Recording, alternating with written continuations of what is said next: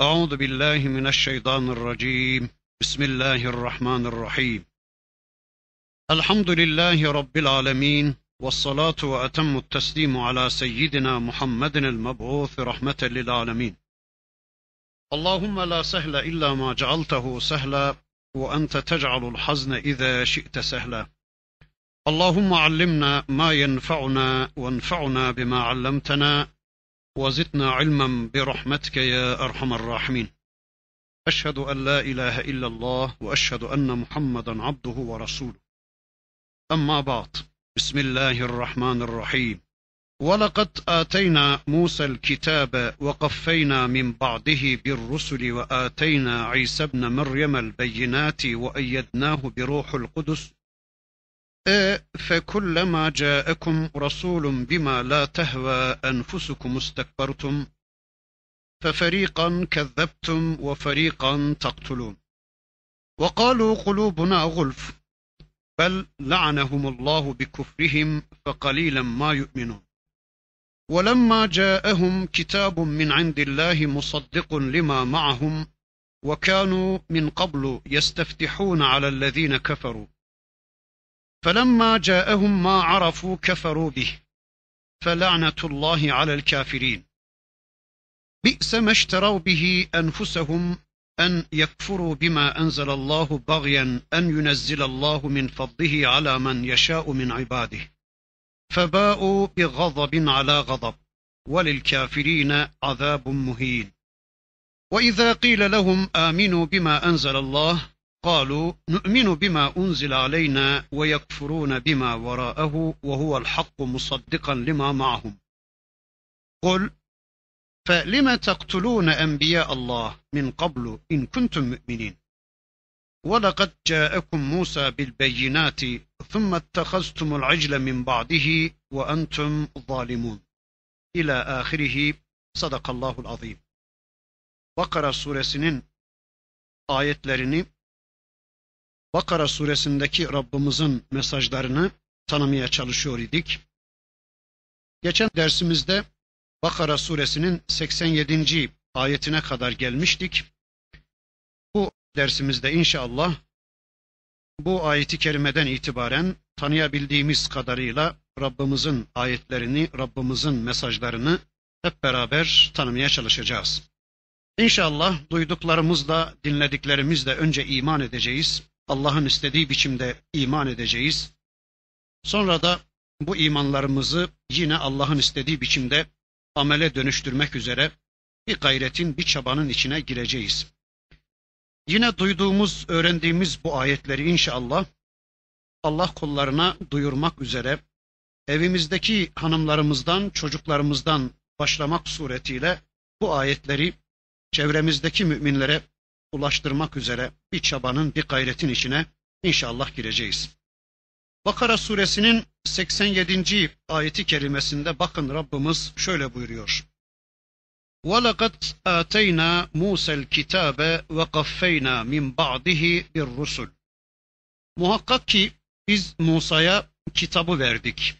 Biz Musa'ya Tevrat'ı verdik ve ondan sonra da birbiri ardınca peygamberler gönderdik.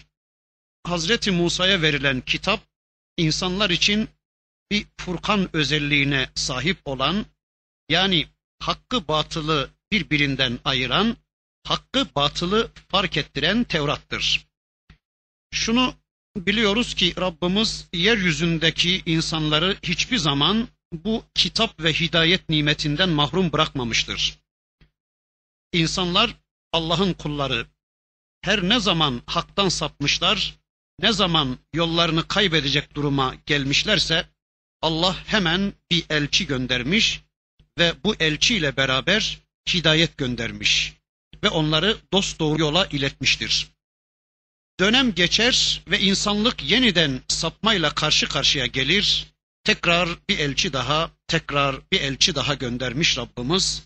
Kitaplar, sahifeler, suhuflar, sözlü vahiyler sürekli indirilmiştir yeryüzüne. Rabbimiz yeryüzündeki insanları bir an bile vahiy bilgisinden mahrum bırakmamıştır.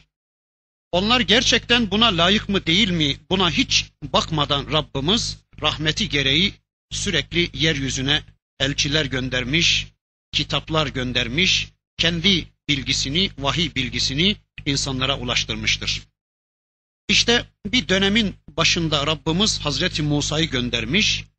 Hazreti Musa'ya gönderilen bir kitap ve onun arkasından da peş peşe gönderilen peygamberler ve kitaplar. Hazreti Musa aleyhisselamdan Hazreti İsa aleyhisselama kadar kimileri Kur'an'da isimleri zikredilen Davud aleyhisselam, e, Süleyman, İlyas, Elyasa, Zülkifil, Zekeriya, Yahya gibi ki bunlardan Zekeriya ve Yahya aleyhisselamlar Hazreti İsa aleyhisselamın çağdaşıdır. Yani aynı dönemde yaşamış peygamberlerdir bunlar. Ve bir de işte bunların dışında Kur'an'da isimleri zikredilmeyen yüzlerce elçiyi İsrail oğullarına göndermiş Rabbimiz. Mesela Yuşa, İşmuil, Şem'un, Şaya, Armiya, Üzeyir, Hazkil gibi yüzlerce elçiyi Rabbimiz İsrail oğullarına göndermiş. Kimini öldürdükleri, kimilerini de reddettikleri Allah'ın kutlu elçileri. Tüm bu elçileri bir zamanlar İsrail oğullarına göndermiştir Rabbimiz. Bunlar da aynen kendilerine kitap gönderilen peygamberler gibi yolunu kaybeden insanlığa yol göstermişler. Onları kulluğa davet etmişler. Rab ve ilah olarak yalnız Allah'ın bilinmesi konusunda onlar da insanlığı uyarmaya devam etmişler. Ayetin devamında diyor ki bakın Rabbimiz ve ateyna İsa ibn Meryem'el beyinati ve eyyetnahu bi ruhul kudus. Ve Meryem oğlu İsa'ya da beyinat verdik. Yani deliller verdik ve onu ruhul kudüsle de destekledik, teyit ettik. Ayeti kerimede anlatılan beyine gün gibi açık delil demektir. Gün kadar açık, ayan beyan deliller demektir. İncil'dir demişler. İşte Hazreti İsa'ya verilen mucizelerdir demişler. Ölüleri diriltmek gibi, hastaları iyileştirmek gibi, çamurdan kuşa üfleyip canlandırmak gibi, anadan doğma körleri ve deri hastalarını iyileştirmek gibi Cenab-ı Hakk'ın Hazreti İsa'ya verdiği mucizelerdir. Bu beyinat denmiş. İşte kendisine Allah tarafından verilen İncil ve diğer ayetlerle Hazreti İsa Aleyhisselam da tıpkı Hazreti Musa Aleyhisselam'ın gerçekleştirdiğini gerçekleştirdi. Yani kendisinden önceki Davud Aleyhisselam gibi, İbrahim Aleyhisselam gibi peygamberlerin davetlerini yeniledi Hazreti İsa Aleyhisselam. O da tüm diğer peygamberler gibi insanlığı Allah'a kulluğa davet etti. Ve eyyetnahu bi ruhul kudus ve bir de onu yani Hazreti İsa'yı Ruhul Kudüs'le destekledik, teyit ettik diyor Rabbimiz. Bu Ruhul Kudüs'le alakalı müfessirlerimiz, selef alimlerimiz şunları söylemişler. Birincisi bu tertemiz bir ruhtur demişler. Yahudiye hitap eden bu ayetler sanki sizin tarih içinde kirletmek için çırpındığınız Allah'ın peygamberi İsa tertemiz bir ruha sahipti denilmek istenmektedir. İkincisi bu ruhul kudüs Allah'ın sözüdür yani vahidir yani İncil'dir denmiş. Allah vahiy ile Hazreti İsa'yı desteklemiştir demişler. Nitekim Kur'an-ı Kerim için de şu Ara suresinde aynı ifadenin kullanıldığını görüyoruz. Rabbimiz buyurur ki bakın وَكَذَٰلِكَ اَوْحَيْنَا اِلَيْكَ رُوحًا مِنْ اَمْرِنَا Peygamberim sana emrimizden, katımızdan bir ruh indirdik. İşte bu ayeti kerimeye dayanarak demişler ki İsa Aleyhisselam'ın teyit edildiği, güçlendirildiği ruhul kudüs Allah'ın vahyidir, Allah'ın kelamıdır yani İncil'dir denmiş. İbni Abbas Efendimiz bu ruhul kudüs Allah'ın ismi azamıdır demiş. Yani bu Allah'ın öyle bir ismi azamıdır ki Hazreti İsa Aleyhisselam bununla ölüleri diriltirdi demiş. Yine dördüncü olarak bu ruhul kudüs Cebrail'dir demişler. Hani Meryem suresinde de Rabbimiz bu kelimeyi Cebrail anlamına kullanıyordu. Şöyleydi bakın ayet-i kerime. فَاَرْسَلْنَا اِلَيْهَا رُوحَنَا فَتَمَثَّلَ لَهَا بَشَرًا سَوِيًّا Ona ruhumuzu gönderdik. O ruh ona bir beşer olarak temessül edip göründü. Yani bir insan olarak ona göründü. Buradaki ruhana ifadesinden kasıt Cebrail'dir denmiş. Yine Allah'ın Resulü şairi Hassan İbni Sabit'e bir defasında bakın şöyle buyurmuştu. Ey Hassan Kureyş'e hicvet. Zira Ruhul Kudüs seninle beraberdir buyurmuştu. Hadisi Müslim'de okumuştum. Öyleyse buradaki Ruhul Kudüs, Ruhul Emin gibi Cebrail'in isimlerinden biridir ve Rabbimiz Hazreti İsa'yı işte onunla desteklemiştir diyoruz.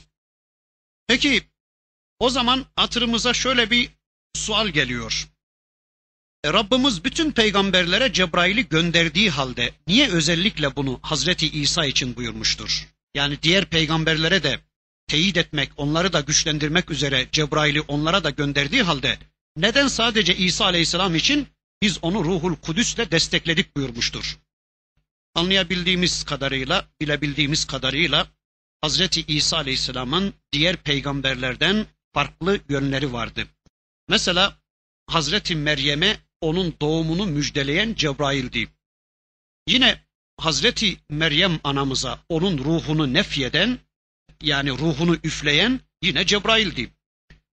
Yine o Meryem oğlu İsa'ydı ve babası yoktu onun. Yani Allah onu fevkalade ve farklı bir yaratılışla Meryem annemizden dünyaya getirmişti. İşte ona destek olarak da Ruhul Kudüs'ü göndermiştir diyoruz. Yani böylece aslında bütün peygamberlere destek olan Cebrail aleyhisselamın ona farklı bir destek oluşturduğunu haber veriyor Rabbimiz. Gerek Hazreti İsa aleyhisselamın doğumu, Hazreti İsa peygamberin dünya gelişi konusundaki Cebrail'in rolünden dolayı gerekse işte diğer peygamberlerde olmayan ölüleri diriltme, insanların evlerinde sakladıklarını bilmesi gibi mucizelerinden yani ayetlerinden ötürü onun ruhul kudüsle teyit edildiğini tekrar tekrar Rabbimiz vurguluyor. Ondan sonra diyor ki bakın Rabbimiz e fe kullama ca'akum rasulun bima la tehva enfusukum istekbertum fe ferikan kezzeptum ve ferikan taktulum.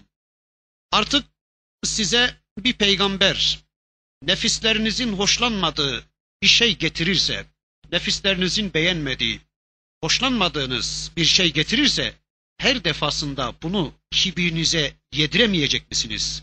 Yani kibirlenerek peygamberin size getirdiğini kabullenmeyecek misiniz? Rabbimiz diyor ki bakın her ne zaman ki size elçiler geldi ama nefislerinizin hoşlanmadığı emirlerle yani içine gömüldüğünüz hayatın zıttını söyleyen emirlerle yani sizin alıştığınız, kurumlaştırdığınız, yanlışlarınızdan sizi kurtarmak üzere emirlerle geldiği zaman siz büyüklük taslayıp bir kısmını yalanlayıp bir kısmını öldürecek misiniz? فَفَر۪يقًا كَذَّبْتُمْ وَفَر۪يقًا تَقْتُلُونَ Bir kısmını o elçilerin bir kısmını yalanlayıp bir kısmını da öldürmeye mi kalkıyorsunuz?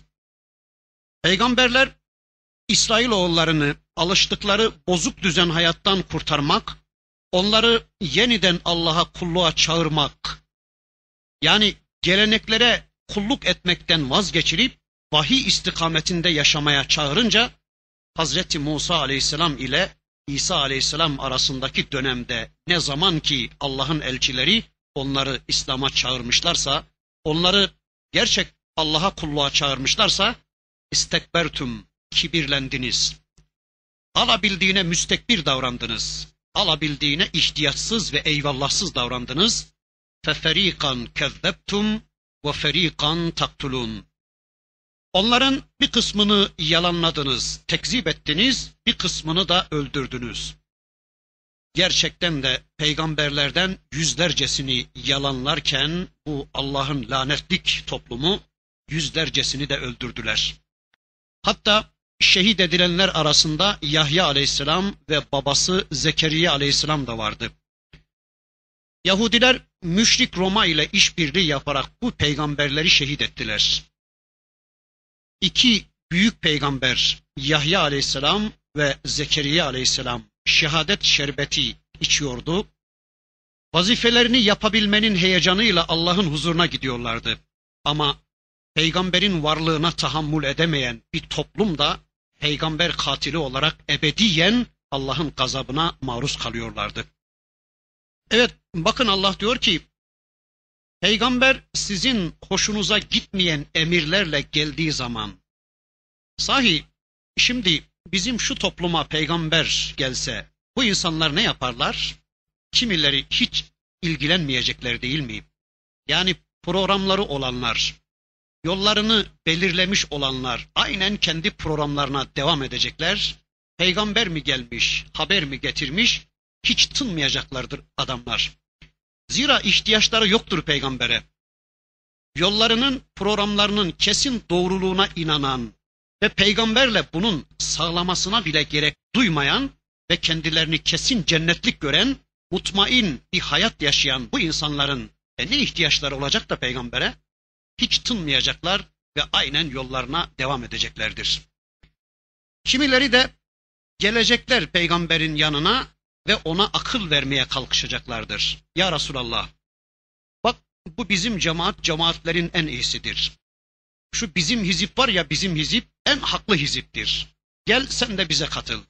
Bu devirde bunun dışında bir çalışma kesinlikle mümkün değildir. Yani bu programın dışında kesinlikle hiçbir program bizi sonuca götürmeyecektir diyerek onu kendi gruplarına çağıranlar olacaktır değil mi? Kimileri de niye geldin ya Resulallah? Niye geldin? Huzurumuzu kaçırmaya mı geldin? Şöyle keyfimize göre ne güzel yaşayıp gidiyorduk. Sen geldin, e şimdi bizler seni mi dinleyeceğiz yoksa efendilerimizi mi dinleyeceğiz? İşleri birbirine karıştırıp huzurumuzu kaçırmaya mı geldin ey Allah'ın Resulü diyenler de çıkabilecektir değil mi? Hazreti İsa aleyhisselam karşısında diğer peygamberler karşısında da böyle davranan bu insanlar şimdi de Hazreti Muhammed aleyhisselam geliyordu bakın. Şimdi de Resul-i Ekrem karşısındaydı bu Allah'ın lanetine uğramış toplum yani İsrailoğulları. Bakın Resul-i Ekrem karşısında da şöyle dediler. 88. ayeti kerimesinde peygamberimize karşı tavırlarını bakın Rabbimiz şöyle anlatıyor. وَقَالُوا قُلُوبُنَا غُلْفٌ Ey Muhammed bizim kalplerimizde kılıf vardır. Ey Muhammed bizim kalplerimizde gulf vardır. Yani kalplerimiz kılıflıdır. Kalplerimiz örtülüdür bizim. Biz anlamıyoruz. Biz anlayamıyoruz senin ne dediğini. Bizi neye çağırdığını, bize nasıl bir mesaj ulaştırdığını, bizi nasıl bir hayata çağırdığını vallahi bizler anlamıyoruz, anlayamıyoruz diyorlardı.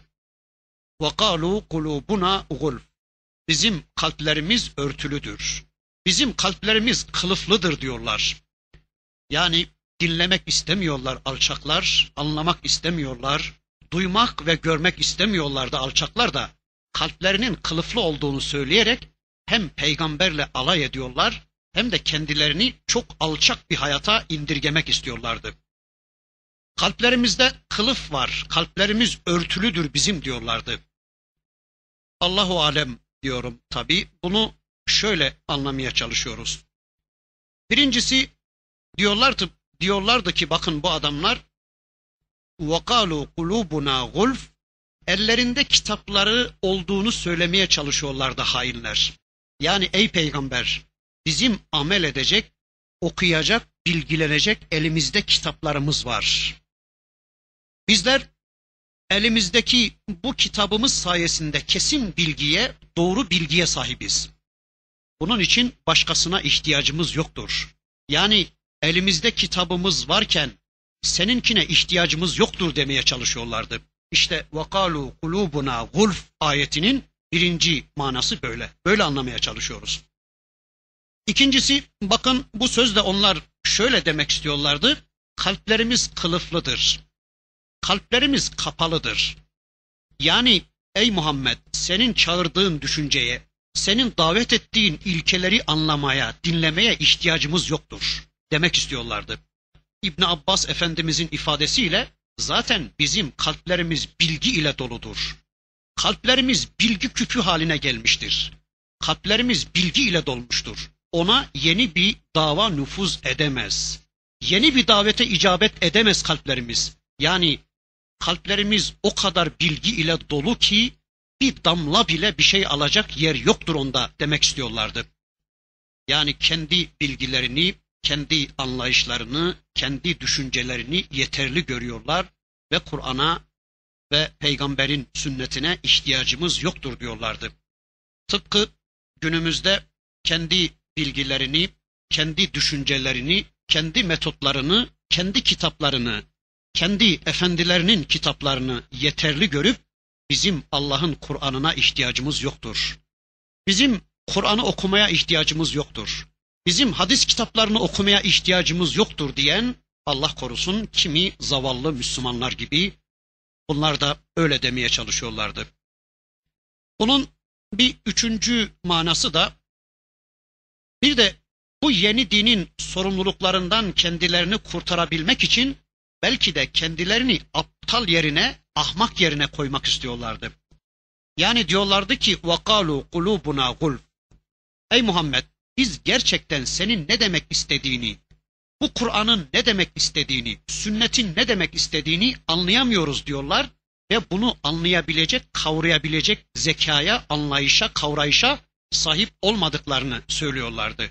Yani adamlar kendilerini aptal yerine, geri zekalı yerine, gerzek yerine koyuyorlardı. Yani böyle bir sorumluluktan kurtulabilmek için kendilerini aptal yerine, geri zekalı yerine koyuyorlardı. Şimdi de öyle mi? Allah korusun da Müslümanlardan kimileri ben ha yani bu kitabı anlayacak ve çocuklarıma aktaracağım ha. Biz kim? Bu kitabı anlamak kim? Biz kim? Resulullah'ın hadislerini anlamak kim? Onu ancak büyük zatlar anlar diyerek, onu ancak alimler anlar diyerek kitabı eline bile almaktan çekinenler de aynen alçak Yahudinin dediği gibi kulubuna gulf diyorlar. Sanki Müslümanlar da bugün aynı şeyi söylüyorlar. Allah korusun. Allah'a iftira ediyorlar. Halbuki Allah sizin güç yetiremeyeceğiniz bir şey emretmedim diyor. Değil mi? Bakara suresinde ileride gelecek. Ben insana üstesinden kalkamayacağı, gücünün yetmeyeceği bir yükü yüklemedim diyor Rabbimiz. Alçaklar Allah'a iftira ediyorlar. Bunlarsa haşa ya Rabbi bizim anlayamayacağımız, kavrayamayacağımız bir kitapla sorumlu tutmuşsun. Bizim anlayamayacağımız, kavrayamayacağımız bir peygamberle bizi sorumlu tutmuşsun diyerek Allah korusun da açıkça net bir biçimde Allah'a iftira ediyorlar. Veya çok parası olup da kendisinden bir şey istenmeye gelinince, kendisinden bir şey istemeye gelenlere karşı kendilerini sorumluluktan kurtarabilmek için kendilerini fakir göstermeye çalışanlar da aynen bu Yahudinin yaptığını yapmaya çalışıyor. Yani hadi şuraya yardım et denince ben ha nasıl yapayım kardeşim? Elimizde avucumuzda bir şey yok ki yardım etsek diyerek kendilerini sorumluluktan kurtarabilmek için fakir göstermeye çalışan insanlar da aynen böyledir sanki. Veya kardeşim sen de çocuklarına bu ayet ve hadisleri duyurmak zorundasın denince kendisine e, güya adam kendisini sorumluluktan kurtarabilmek için diyor ki ben ha ya ben ne biliyorum ki anlatayım. Benim bilgim ne ki anlatayım diyerek kendilerinin sanki ağızsız ve dilsiz olduklarını söylemeye çalışanlar da galiba bunun gibidir. Ağzı var adamın ama sanki yok. Yani paradan söz etmeye gelince ağzı var, işte alttan, avrattan, fiyattan, murattan söz etmeye gelince ağzı var. Peynirin küflüsünü tespite gelince o ağız var. Ya da balın güzelini ya da muzun güzelini tespite gelince adamların ağzı var ama Kur'an anlatmaya gelince, hadis anlatmaya gelince, çocuklarına iki kelam etmeye gelince çevresindeki Müslümanlara e, Allah'ın ayetlerini, peygamberin sünnetini anlatmaya gelince sanki ağzı yok adamın. Allah korusun bunlar da aynen Yahudinin yaptığını yapıyorlar. Veya işte bizim meclislerimizde okuduğumuz, elimizden düşürmediğimiz, gerekli bilgilenmeyi sağlayabildiğimiz kendi kitaplarımız var. Biz onları okur, onlardan bilgileniriz. Başkasına ihtiyacımız yoktur. Ayrıca Kur'an okumaya da gerek kalmamıştır diyenler de Allah korusun aynen dünkü Yahudinin söylediğini söylüyorlar. وَقَالُوا قُلُوبُنَا غُلْف diyorlar. Evet, Yahudiler diyorlardı ki kalplerimiz doludur. kalplerimiz kılıflıdır. Bizim buna ihtiyacımız yoktur. Biz imanımızda, yolumuzda, davamızda, geleneklerimizde öylesine sabit inançtayız ki, hayatımızdan öylesine memnunuz ki, bunun aksine söylenecek hiçbir şeyden etkilenmeyeceğiz. Ey Muhammed sen ne dersen de, sen ne okursan oku, valla biz hayatımızdan memnunuz. Yani söylenecek hiçbir sözden biz etkilenmeyeceğiz. Biz yolumuzdan, biz davamızdan, biz imanımızdan eminiz diyorlardı. Tıpkı bugün de hayatlarından memnun görünüp bizim ne kitaba ne de sünnete ihtiyacımız yoktur tavrını sürdüren, hayatlarını sorgulamaktan kaçan kimi Müslümanlar gibi. Allah korusun hatta kimileri sakın bu adamların kitaplarını okumayın. Sakın şu şu kişilerin konuşmalarını dinlemeyin. Ne olur ne olmaz. Belki dinlerler de kalplerinin kılıfları parçalanı verir de onlar da öyle düşünmeye başlayıverirler diye Allah korusun kendi cemaatlarına tembihte bulunuyorlar. Sakın o adamların derslerini dinlemeyin. Sakın bu adamların kitaplarını okumayın diyorlar. Sakın tefhimi okumayın. Sakın fizilalı okumayın diyorlar. Niye? Ne olur ne olmaz. Bizim cemaatimiz, bize kul köle olmuş bu insanlar eğer tefhimi okurlarsa, eğer fizilalı okurlarsa, eğer şu şu adamların sohbetlerine giderlerse kalplerinin kafalarının kılıfları çözülü verir de ne olur ne olmaz gerçek tevhid onların kalbine girer de bize kul köle olmazlar endişesiyle Allah korusun kimi insanlar cemaatlerini bu tür eserleri okumaktan engelliyorlar tıpkı Yahudinin yaptığı gibi. Evet, vahiy karşısında nötr davranan, peygamber karşısında bu tavrı sergileyen bu insanlara bakın ne tür bir ceza geliyor. Rabbimiz bakın ne tür bir cezadan söz ediyor. Bel, bilakis. Hayır, hayır. Aksine onların kalpleri kılıflı filan değil. Onlar kalplerini kendileri kılıflamışlar. Kendileri kılıflatmışlar kalplerini. Kitap karşısında, peygamber karşısında, peygamberin mesajı karşısında kendilerini büyük gören, müstekbir gören, mallarına, makamlarına, cemaatlerine, sosyal ve ekonomik güçlerine güvenerek peygamberi güçsüz ve zayıf gören insanlardır onlar. Kimilerini yalanlayan, hayatta peygamberlere ve peygamberlerin mesajına hayat hakkı tanımayan, hayatta Allah'a ve Allah'ın kitabına hayat hakkı tanımayan bu hainlere bakın Rabbimiz ne diyor? La'anehumullahu bi kufrihim. Küfürleri sebebiyle Allah onlara lanet etmiştir. Allah'ın laneti onların üzerine olsun. Oldu da zaten. Çünkü bu insanlar Allah'ın davetiyle karşı karşıya oldukları halde Allah'ın kitabıyla, peygamberin sünnetiyle karşı karşıya bulundukları halde peygamberin davetini ellerinin tersiyle iti vermişler. Biz bize yeteriz. Bizim okuyacak kitaplarımız var. Bizim peşinden gideceğimiz önderlerimiz var. Bizim uygulayacak hayat programlarımız var. Bizim kimseye ihtiyacımız yoktur. Bizim Allah'ın kitabına da bizim peygamberin sünnetine de ihtiyacımız yoktur diyerek kendi kendilerine böyle bir ikilem sergileyen bu insanlar Allah'ın lanetine uğrarlarken فَقَلِيلًا ma yu'minun az bir bölüm de mümin oldu. Az bir bölüm de iman etti diyor Allah. Ya da bu ayetin şöyle bir manası da vardır. فَقَلِيلًا ma yu'minun e, ne kadar da az iman ediyorsunuz demektir bunun manası. Ne kadar da az inanıyorsunuz. Ne kadar da az iman ediyorsunuz ya da pek azınız iman etti demektir. O dönemde her dönemde az olan sayısal yapıya Rabbimiz bu ayetinde dikkat çekiyor. Sonra diyor ki bakın Bakara suresi ayet 89 وَلَمَّا جَاءَهُمْ كِتَابٌ مِّنْ عِنْدِ اللّٰهِ مُصَدِّقٌ لِمَا مَعَهُمْ Yanlarındakini tasdik etmek üzere onlara Allah katından bir kitap gelince yani yanlarındakini, kendi yanlarındakini tasdik etmek üzere onlara Allah katından bir kitap gelince, bu kitap Kur'an'dı. Onların yanındaki Tevrat ve İncil'i tasdik ederek indirilen Kur'an onlara gelince, Allah'ın Resulü kendisine gelen bu kitabı sunuyordu onlara. Halbuki onlar bunu bekliyorlardı Yıllardır gelecek ahir zaman nebisini ve ona gönderilecek Furkan'ı yani Kur'an'ı bekliyorlardı onlar. Bekliyorlardı. Yolunu gözlüyorlardı. Nerede kaldı? Geç kaldı diyorlardı.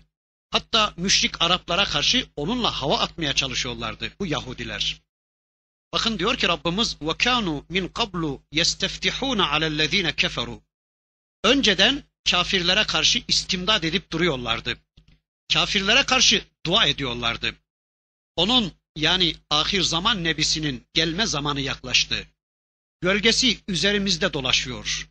Biz onunla bir olup o Nebi Ekrem'in arkasında bir ordu oluşturup sizleri de işte Ağat ve İrem gibi katledeceğiz diye müşrik Araplara karşı Allah Resulü Hazreti Muhammed Aleyhisselam'ı ahir zaman nebisini bekleyip duruyorlardı. İşte nihayet bekledikleri karşılarındaydı. Elinde Tevrat'ın haber verdiği, kıyamete kadar insanlığı hidayete ulaştıracak kitapla birlikte, Furkan'la, Kur'an'la birlikte Resulullah karşılarında duruyordu. O güne kadar tüm fırsatları kaçırmış. Yani Hazreti Musa aleyhisselamdan itibaren, Hazreti İsa aleyhisselamdan itibaren o güne kadar ellerine geçmiş bütün fırsatları kaçırmış, alınlarındaki zillet ve meskenet damgasını, horluk ve hakirlik damgasını sildirip tarihteki eski yerlerini almaları konusunda son bir fırsatları kalmıştı. İşte şimdi bu fırsat karşılarına çıkmıştı. Yani bu son peygambere karşı öncekilere yaptıklarını yapmayacaklar, önceki elçilere takındıkları tavırı takınmayacaklar, onu farklı kabullenecekler, ona farklı davranacaklar, ona inanacaklar, onu sahiplenecekler ve tüm düşmanlarına galip geleceklerdi. Ve de tarih boyunca Allah tarafından işledikleri nanelere karşılık alınlarına vurulmuş zillet ve meskenet damgası kaldırılacaktı. İşte yıllardır bekledikleri kurtarıcı nihayet şu anda karşılarındaydı. Ama ne yazık ki bu son gelen elçiye de hiç de iyi bir tavır sergilemediler. Heyhat ki önceki peygamberlere yaptıklarından farklı davranmadılar ona karşı da. Bakın kitap onlara gelince Allah'ın elçisi elinde Allah'ın kitabıyla birlikte onlara gelince bu kitabın özelliği onlarla ilgili yönü bakın şöylece anlatılıyor. Musaddikan lima ma'hum. Kendi yanlarındakini, kendileriyle birlikte olanı tasdik ediyordu bu kitap. Yani kendi ellerindeki Tevrat'ı, Zebur'u ve İncil'i tasdik ediyordu bu kitap. Veya Musa'yı Davud'u ve İsa'yı tasdik ediyor ve doğruluyordu bu kitap. Yani türedi bir kitap, türedi bir peygamber değildi bu kitap ve bu peygamber. Bu haliyle, bu özellikleriyle bu kitap ve bu peygamber onların hiç tereddüt etmeden, hiç düşünüp beklemeden kabul etmeleri gereken bir nitelikteydi. Çünkü Allah diyor ki az evvel okudum ayeti kerimeyi وَكَانُوا مِنْ قَبْلُ يَسْتَفْتِحُونَ عَلَى الَّذ۪ينَ كَفَرُوا Daha önce kafirlere karşı Medine'deki müşrik Araplara karşı istifta ediyorlardı. Yani kafirlere karşı, müşriklere karşı fetih umuyorlardı. O peygamberin gelmesiyle zafere ulaşacaklarını söylüyorlardı. Hele bir gelsin ahir zaman nebisi, onun arkasında bir cemaat oluşturacağız, onun arkasında bir ordu oluşturacağız, sizi de putlarınızı da kökünden kazıyacağız diye kafirlere karşı daha önce bu kitabın gelmesini bekliyorlar ve zafer umuyorlardı. Yani ona tabi olacaklar, onun komutasında yeni bir dünya kurup eski kaybettikleri alemlere taftil olma özelliklerine yeniden kavuşacaklar. Bunu düşünüyorlardı. فَلَمَّا جَاءَهُمْ مَا عَرَفُوا كَفَرُوا بِهِ Tanıdıkları, bildikleri o kitap gelince onu da inkar ettiler. Bekledikleri gelmiş karşılarında duruyordu. Üstelik biliyorlardı, tanıyorlardı da onu. Daha önce okumuştum ayeti kerimeyi. Oğullarını tanıdıklarından çok Hazreti Muhammed Aleyhisselam'ı tanıyorlardı. Hani avucumun içi kadar bilirim der ya adam, avuçlarının içinden çok Kur'an'ı tanıyorlardı, peygamberi tanıyorlardı. Yani bildikleri bir kitaptı bu. Bildikleri bir peygamberdi bu. اَلَّذ۪ينَ آتَيْنَاهُمُ الْكِتَابَ يَعْرِفُونَهُ كَمَا يَعْرِفُونَ أَبْنَاءَهُمْ وَاِنَّ فَر۪يقًا مِّنْهُمْ لَيَكْتُمُونَ الْحَقَّ وَاَنْتُمْ يَعْلَمُونَ Kendilerine kitap verdiklerimiz diyor Rabbimiz. Onu yani Muhammed'i ya da Kur'an'ı oğullarını tanıdıkları gibi tanırlar. Avuçlarının içi gibi Hazreti Muhammed'i de ona gönderilen Kur'an'ı da tanırlar ama onlardan bir grup bile bile hakkı gizlediler.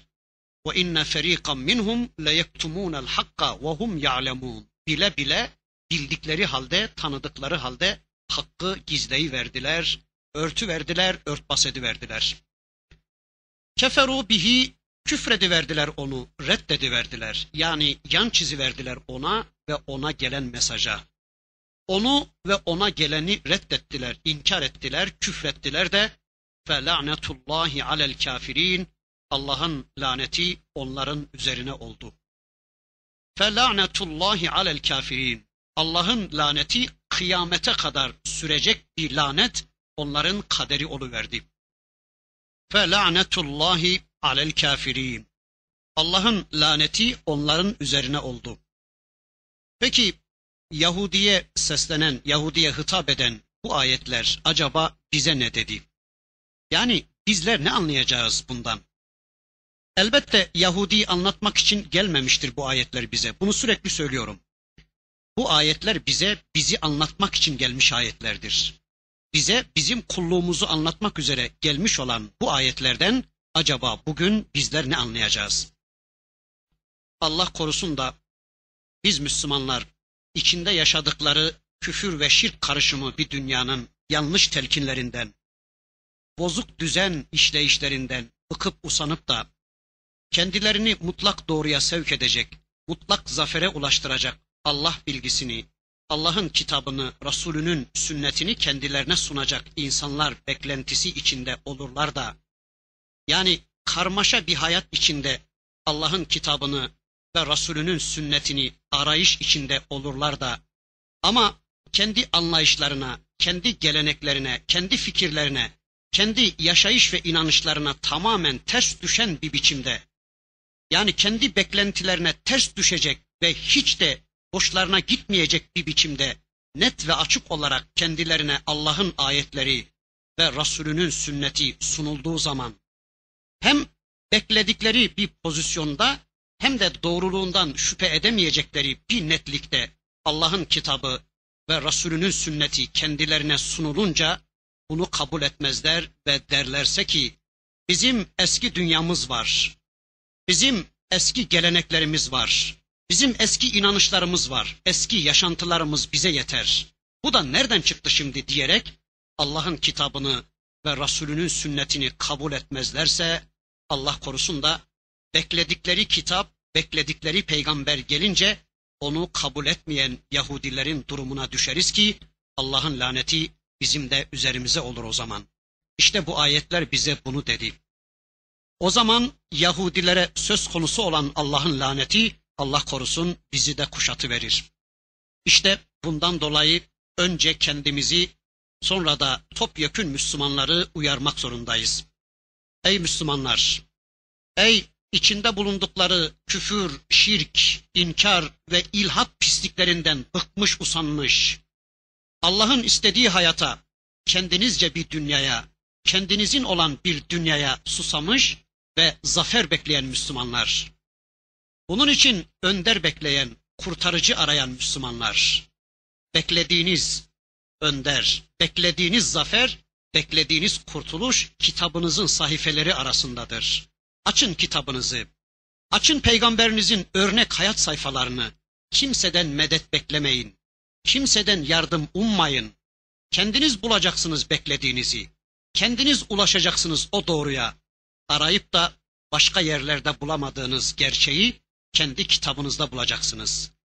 Unuttuğunuz kitabınızda, terk ettiğiniz kitabınızda, hicret ettiğiniz kitabınızda, hayatınızın tüm problemlerinin çözümünü kitabınızda ve Resulullah'ın sünnetinde bulacaksınız. Haydi öyleyse kitabınıza yönelin. Yıllardır elinize almaya korktuğunuz, belki de yüzünüzün kalmadığı kitabınıza yönelin. Sakın Yahudiler gibi kulubuna gulf demeyin. Ona perde olan, onu okumanıza, onu anlamanıza engel olan tüm perdeleri, tüm engelleri bir tarafa iterek onu anlamaya, onunla dirilmeye çalışın. Onunla silkinmeye çalışın. Aksi takdirde unutmayın ki Allah'ın laneti var. Şu anda beklenilen bir kitap gündemdedir. Beklenilen peygamber gündemdedir. Beklenilen kurtarıcı yine gündemdedir. Ama bunu yapmazsanız, yani Allah'ın kitabıyla ilgilenmez, peygamberin elçisinin sünnetiyle ilgilenmezseniz, bunu yapmazsanız, yapamazsanız bilesiniz ki Yahudilerden bir farkınız kalmayacaktır. İşte bu son bölümdeki ayetinde Rabbimiz bize de bunları söyledi.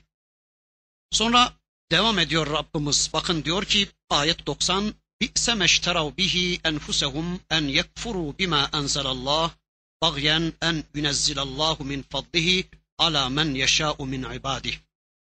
Allah'ın kullarından dilediğine kendi fazlından, kendi lütfundan kitap indirmesini kıskanarak ve azgınlık yaparak Allah'ın indirdiklerini inkar etmekle kendilerini ne kötü bir şeye sattılar bu alçaklar. Bakın ayetin anlattığına göre bunların bu Yahudilerin Kur'an'ı ve peygamberi inkar etmelerine tek yanılgıları şuydu bakın. O bizden değildir dediler. Niye inanalım da o bizim renkten değil. Niye kabullenelim de o bizim ırktan değil. İsrailoğullarından değil o. Bizim cemaattan değil o. Bizim gruptan değil o. Bizim familyadan değil diyorlardı. Dikkat ediyor musunuz? İnkar etmelerinin sebebi çok basitti. Yani bu peygamber İsrailoğullarından değil de başka bir yerden çıktı diyorlardı. Bizim grubun içinden, bizim hizbimizin içinden değil de Araplardan çıktı diye inkar ediverdiler onu. Halbuki Kur'an'ın ifadesine göre oğullarından bile şüphe edebilirlerdi de bu adamlar ama Resulü Ekrem'den asla şüphe edemezlerdi. Kur'an'dan asla şüphe etmeyecek biçimde bilgileri vardı. Bütün bu kesin bilgilerine ve kitaplarının şehadetine rağmen yine de kendilerinden çıkmadı diye reddediverdiler.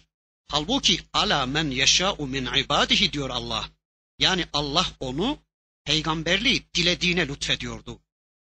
Bu sefer de yine İbrahim Aleyhisselam'ın öteki oğlu İsmail Aleyhisselam'ın torunlarından birine bir kitap geldi diye e, reddedilmez ki yani. Sizin peygamberiniz de İsmail İbrahim Aleyhisselam'ın öteki oğlundan gelmişti. İbrahim Aleyhisselam'ın öteki oğlundan bir peygambere kitap gelince kabulleniyorsunuz da İbrahim Aleyhisselam'ın aynı atanızın her iki oğlundan bir peygambere kitap gelince reddedilmez ki. Yani kendilerinden birine gelmedi diye bunu reddetme yetkisini nereden almışlar bunlar? Yo, Allah bunlara soracaktı. Ne dersiniz? Nasıl istersiniz? Kime göndereyim bu peygamberliği diye Allah bunlara soracaktı sanki. Bunu bekliyorlarmış hainler. Yani Allah'a yol göstermeye, Allah'a akıl vermeye çalışıyorlar alçaklar. Şunu demeliydin ya Rabbi, şuna göndermeliydin ya Rabbi diyerek sanki Allah'a akıl vermeye çalışıyorlar. Yahut da işte bugünkü Müslümanların hakikatla karşı karşıya geldikleri zaman yani birileri hakikati ortaya koyduğu zaman kim bu adam? Bizden mi? Bizim takımdan mı bu adam? Yani bizim takımda mı oynuyor?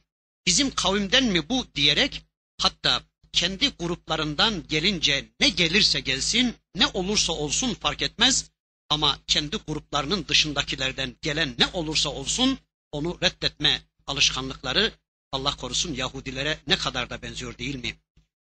Ve bu tavrın kendilerinden öncekilere neler kaybettirdiğini bilmiyorlar mı diye sorasım geliyor. Gerçekten bugünün Müslümanları da kafalarını iki ellerinin arasına alıp derin derin düşünmek zorundadırlar. Evet, reddederlerken, inkar ederlerken hiçbir delilleri yoktu. İblis de böyle reddetmişti değil mi? Adem'in şahsında Allah'ın secde emriyle karşı karşıya gelen iblis de hiçbir delili olmadan sadece kendi yaratılışını ön plana çıkararak yani ırkını, kökenini gündeme getirerek ben ondan üstünüm, mümkün değil secde etmem dediği gibi Allah korusun İsrailoğulları da kendi yaratılışlarını ön plana alarak biz üstünüz dediler. Peygamberlik bizim hakkımızdı. Peygamberlik bize gelmeliydi. Ama sen bunu bilemedin ey Allah'ım diyerek Allah'a kafa tutmaya kalktılar. Bu Muhammed de nereden çıktı dediler. Ama sonunda Allah diyor ki bakın feba'u bi gadabin ala gadab. Onlar gazap üstüne gazaba uğradılar. Gazap üstüne gazaba uğradılar. Allah'tan bir gazaba uğradılar. Tabi kişinin hangi durumda gazaba uğradığını da ancak Allah bilecektir. Yani kişi o durumda cennete değil de cehenneme doğru yol alıyorsa işte bu onun için en büyük gazap, en büyük azap olacaktır Allah korusun. Feba'u bi gazabin ala gazab bir de ve duribet aleyhimu zilletu vel meskenetu ve ba'u bi gazabin min Allah. Onlar zillet ve meskenet damgasına layık oldular. Yani onlara zillet ve meskenet damgası vuruldu ve onlar Allah'tan bir gazaba uğradılar. Bakara suresi 61. ayet. Daha önce geçmişti bu ayeti okumuştum. Bu ayeti kerimeden de anlıyoruz ki bunlara bir damga vurulmuştur. Yani zillet ve meskenet damgası. Tarihte hep böyle ola gelmiştir bu iş. Yani Allah onlara en son Hazreti Muhammed Aleyhisselam döneminde bir fırsat tanımış, tüm önceki nanelerini silip onları affetmek üzere onlara bir imkan tanımıştı Allah. İşte son elçim karşınızda. Eğer inanırsanız kurtulacaksınız. Değilse zillet ve meskenetten kıyamete kadar kurtulamayacaksınız demişti Allah. Ama tabi bu söz kıyamete kadar her dönemde bakidir, geçerlidir. Yani her bir Yahudi şu anda da yarın da yine inanma imkanına sahiptir. İnanırsa kurtulur, değilse bu zillet ve meskenete razı olmak zorundadır. Bu azap ve gazap işinin tarihte görülen biçimleri sürgündür. Hayatları hep böyle bir sürgünle geçmiş bu hainlerin. Zillet ve meskenet biçimleri de belki meşgaleleridir ya da öyle bir ruh hali, öyle bir dünya anlayışı, öyle bir hayat anlayışıdır diyoruz. Yani öyle bir kölelik zihniyeti verilmiştir ki onlara hep böyle azap içinde kahrolup gidiyorlar yani. Çünkü Allah bugünden sonra onlar Mescid-i Haram'a hep korkarak gireceklerdir diyordu. E bakıyoruz da şimdi ellerini kollarını sallaya sallaya giremiyor adamlar. Mesela saray yaptırıyor adamlar, tabanını deliyorlar, dehlizler yapıyorlar, sığınaklar kuruyorlar. Herhangi bir saldırı anında kaçacakmış filan. Hep korku içinde yaşıyor adamlar. Yani orada elini kolunu sallaya sallaya gezemiyor adamlar. Kral benim de dese, örtüsünü ben değiştiririm de dese, Kabe'nin içine de girse gene de korku içindeler. Evet, bunlar bu Yahudiler gazap üstüne gazaba maruz kaldılar. Ve her gün Müslümanların namazlarında 40 defa lanet okuyup da aman ya Rabbi bizi onlardan eyleme dedikleri duruma düştüler. Acaba düşünüyorum da Müslümanlar bunu söylerlerken ne dediklerinin farkına varabiliyorlar mı? Müslümanlar da onların durumuna düşmüşlerse diyorum. Bu duanın ne anlamı olacak da? Veya kendi kendilerine mi beddua ediyorlar ki acaba Müslümanlar? Neyse orası kalsın şimdi. Bakın bundan sonra Allah diyor ki velil kafirine azabun muhin ve kafirlere alçaltıcı bir azap vardır.